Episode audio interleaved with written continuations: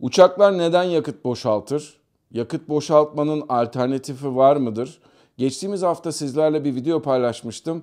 Bir yakıt boşaltma videosuydu. Ondan sonra sizlerden bir sürü soru geldi. Harika sorular geldi. İşte bunların cevapları ve yakıt boşaltma ile ilgili almak istediğiniz her türlü bilgi birazdan Kaptan Baha'da. Hadi başlayalım. Ladies and gentlemen, welcome aboard. This is your Kaptan Baha.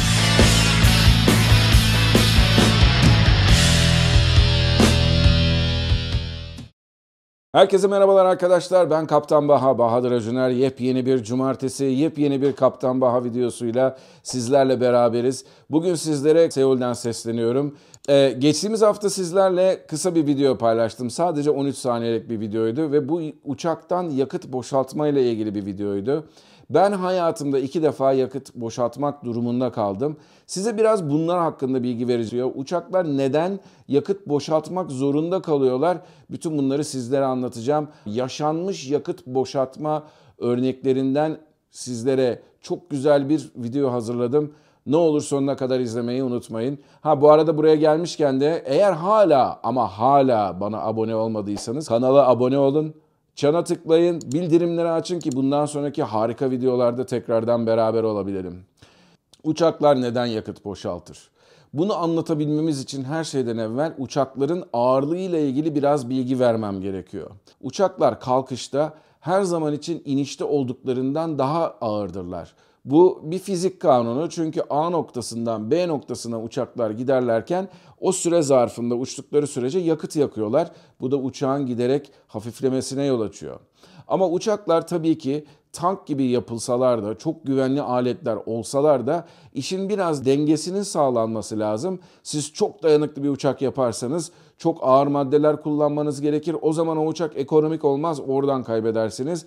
Ama sağlamlıktan ve yapısal e, güçlülükten birazcık ödün verdiğiniz takdirde uçaklar giderek daha ekonomik hale gelebilirler. İşte uçak üreticileri işte bu dengeyi çok hassas bir şekilde tutmak durumundalar. Yakıt boşaltma daha çok geniş gövdeli uçaklarda olan bir şey. Neden diye soracak olursanız kısa mesafede uçan Airbus 320 veya 737 gibi uçaklar. Genellikle bunların ilk çıkış nedenleri 2 saat ila 4 saat arasında uçuşlar için olduğu için bunlar hem aynı zamanda çok daha az yakıt harcadıkları için çok da az miktarda yakıt e, depolamak zorundalar.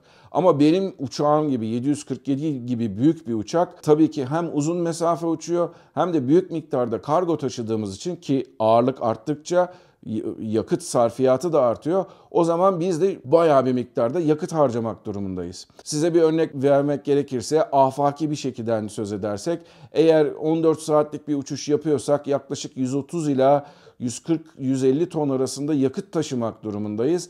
İndiğimiz zaman bu sadece 20 tona kadar düşüyor veya 25 tona kadar düşüyor. Daha fazla olmuyor. Ama uçaklarda hemen vazgeçebileceğiniz ağırlık her zaman için yakıt ağırlığıdır. Çünkü kargoyu açıp da kargo kapısını kargolara atamazsınız dışarıya. Onlar değerli veya yolcu uçağı ise yolcuları atıp da kurtulmanız mümkün değil. O yüzden acil durumlarda uçaklar iniş sırasında çok ağır olmamak için herhangi bir uçağın inişini izlediyseniz zaten göreceksiniz. Yere gelip bam diye böyle çarpar. En yumuşak inişte bile o uçaktaki yapının, metal yapının maruz kaldığı güç bir uçağın kalkışındaki güçten çok daha fazladır. Çünkü uçak herhangi bir zıplama yapmıyor, konma yapmıyor, yere konma yapmıyor. Sadece kalkarken şöyle bir ivme kazanıyor. Onun da sayesinde o çok daha az bir stres yol açıyor iniş takımlarına. Uçakları iman eden firmalar biz uçakları güvenli bir şekilde yapalım ama bunları da yani en ağır haliyle kalktıktan hemen sonra gelip de dönebilecek kadar da sağlam yaptığımız takdirde o zaman uçakların ağırlığı artacaktır. O yüzden belli bir noktada bunun bir dengesini yakalayalım demişler. Şimdi sizlere biraz çok bilimsel örnekler vereceğim. Ee, şöyle söyleyeyim. Elimde görmüş olduğunuz bir, bu kitap uçağın ağırlığı olsun. Ee, boş bir uçağı düşünün. Ondan sonra bunun üstüne şöyle bir tuzluk koyduğunuzda tuzluğun yakıtınız olduğunu düşünün. Onun üzerine bir de gelip Aa, taşıyabilecek miyim? Yakıtın ötesinde bir de yük koyduğumu düşünün. E, bunun üzerine bir de Kaptan Baha şöyle bir çay paketi gibi binecek. Ama işte bu uçağın maksimum kalkış ağırlığına denk gelir. Siz bu uçağı tekrar böyle ben şu an taşımakta bile zorlanıyorum. Siz şu an bu uçağı bu şekilde taşı inmeye kalktığınız zaman bu taşımakta zorlanmış olduğum gücün fizik kuralları gereği yere yaptığı e, etki ve bunun karşılığında uçağın görmüş olduğu tepki uçağın yapısal olarak zarar görmesine yol açabilir. O yüzden kargo bu demiştik değil mi? Bunu atamıyoruz.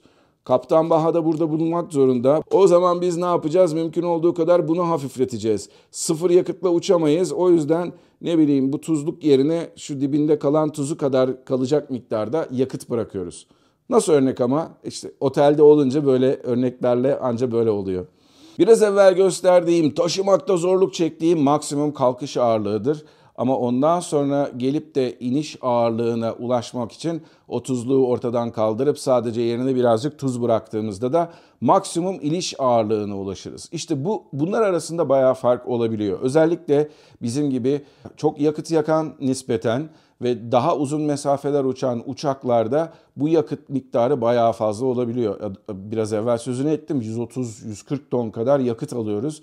İşte bunun iniş ağırlığına uçağın yapısal olarak zarar görmeyecek miktardaki iniş ağırlığına indirgenmesinin yolu kanatların ucundan yakıt boşaltmak.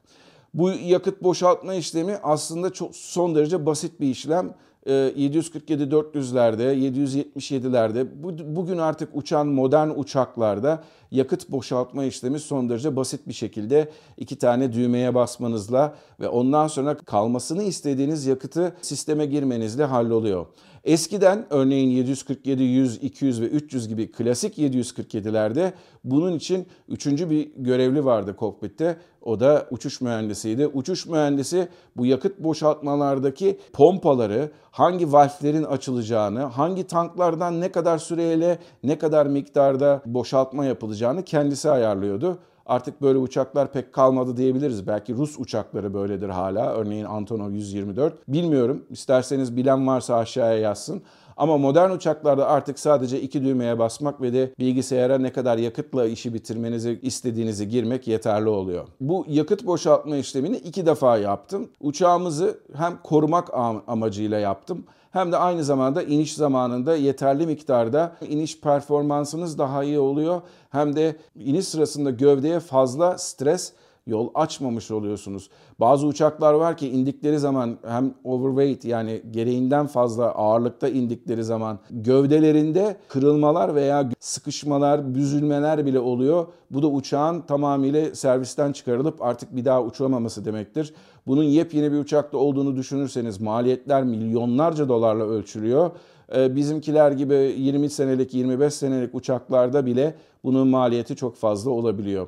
Şimdi bu olayı kavradıktan sonra dedik ki evet biz belli bir ağırlığın altına inmemiz lazım. Ama bu konuda yapılan bazı hatalar da var. Pilotlar doğru karar verememişler. Bunların en güzel örneği Swissair 111 numaralı uçuşu. JFK'den Zürih'e doğru kalkıyor Swissair ve ondan sonra kokpite gelen duman aslında uçakta bir yangın olabileceğinin en büyük belirtilerinden bir tanesidir. O durumda işte yakıt boşaltıp da işte iniş iniş ağırlığının belli bir seviyesinin altına gelmek türünden şeyler aslında çok da öncelik olmaması lazım. Ama ne yazık ki bunu öncelik e, addettikleri için daha sonra çok değerli olan zamandan kaybediyorlar ve sonra maalesef o uçak düşüyor. Onun dışında doğru düzgün yapılmamış, doğru düzgün planlanmamış yakıt boşaltma işlemleri var.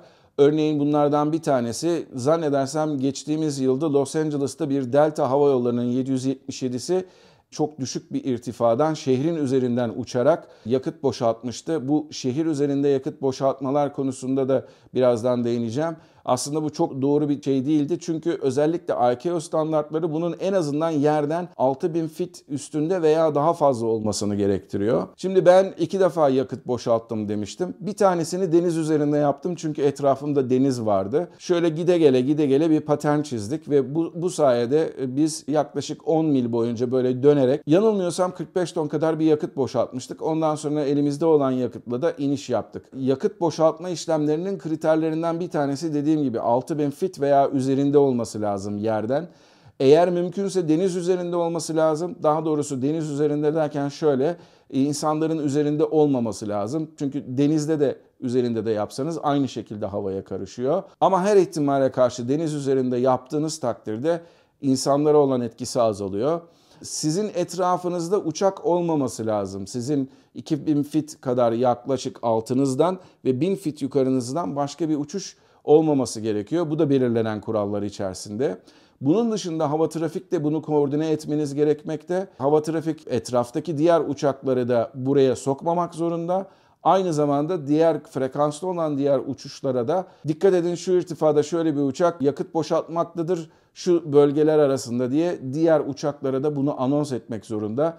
Eğer IFR şartlarda yani aletli olarak uçuyorsanız ki bütün hava yolları böyledir. O zaman bütün hava yollarını hava trafik kontrol eder. Onlar sizi diğer hava trafikten uzakta tutmak zorundalar.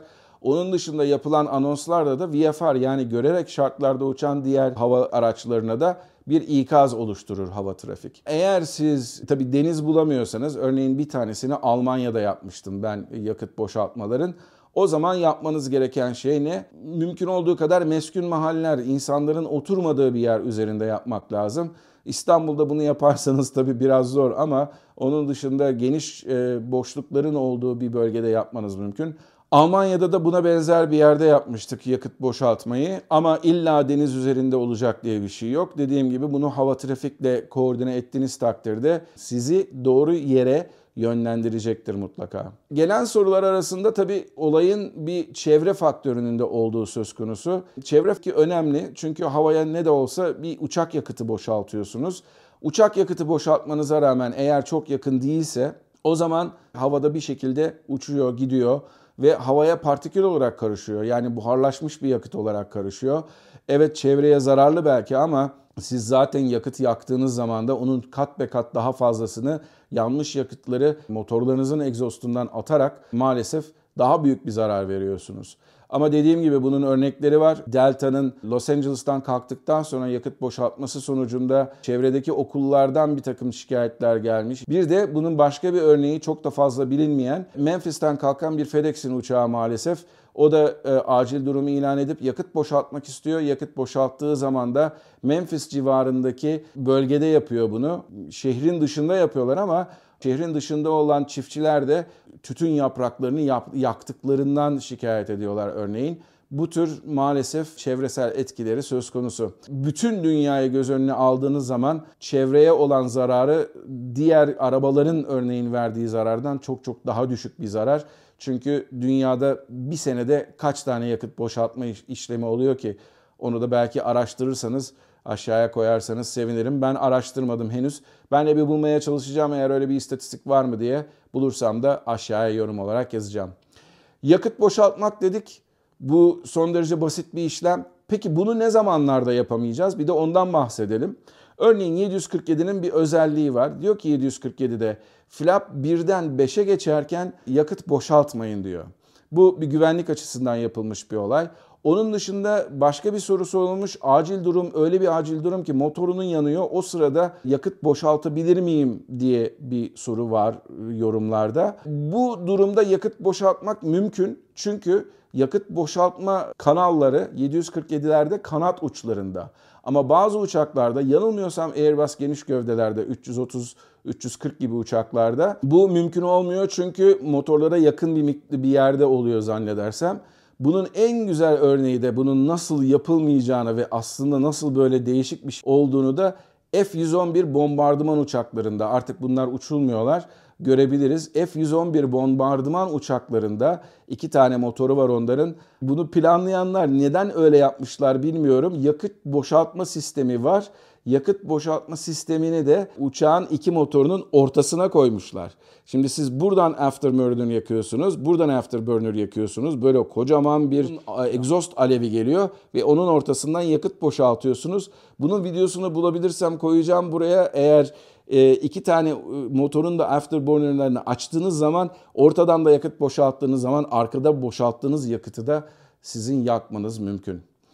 Buna son bir örnek bir tane daha vereceğim. Evet biraz önce de bahsetmiştim videonun başında. 737-320 gibi uçaklar dar gövdeli kısa mesafeli uçaklarda yakıt boşaltma sistemi yok. Bunlara ihtiyaç yok. Ama geniş gövdeli bazı uçaklarda da bu mümkün olmayabiliyor. Tamamıyla şirketin veya müşterinin uçağın siparişini veren müşterinin arzusuna bağlı bir şey. Bunun en güzel örneği, bunun en kötü örneği belki de İstanbul Atatürk Havalimanı'ndan Montreal'e yanılmıyorsam gitmek için kalkan Türk Hava Yolları'nın Airbus 330 uçağı yolculuğuna varmadan bir hastalık nedeniyle geri gelmek zorunda kalıyor. Ama Atatürk Havalimanı'na inişinde çok fazla miktarda yakıtla ineceği için ve yakıt boşaltmasının da mümkün olmamasından ötürü uçak ne yazık ki 7 saat havada tur atıp o yakıtı yakmak durumunda kalıyor. Bu da çok daha ilginç bir şey. Diyeceksiniz ki Airbus 330 siparişi veren insan neden yakıt boşaltma sistemi koymaz? Bu da gerçekten aslında cevabı verilmesi gereken bir soru. Yanılmıyorsam bu uçak Türk Hava Yolları'nın kendisinin sipariş ettiği bir uçak değildi. Türk Hava Yolları'nın ikinci, üçüncü el olarak aldığı bir uçaktı. O konuda da ayrıntılı bilgiyi şu an için bilmiyorum. Ya videonun üstüne koyacağım ya da aşağıda linkte bulabilirsiniz. İşte benden bu kadar. Yakıt boşaltma konusunda başka da sorularınız varsa aşağıya yorumlarınızı bekliyorum. Kanala abone olmayı unutmuyorsunuz. Instagram'da beni takip etmiyorsanız inanın çok şey kaçırıyorsunuz. Çünkü oraya instant anında resimlerde paylaşabiliyorum. Güzel manzara resimleri de koyabiliyorum kokpitten. Onları da gördüğünüz zaman daha da mutlu olacaksınız eminim. Bir sonraki Kaptan Baha videosunda görüşmek üzere. Mutlu kalın, esen kalın ama her şeyden önemlisi sağlıklı kalın. Görüşmek üzere. Öyle mi diyeyim acaba? Kanala abone olun. Kanale. Ama her ihtimale karşı deniz üzerinde size doğru yere, sizi doğru yere bu, buradan anlatamadım.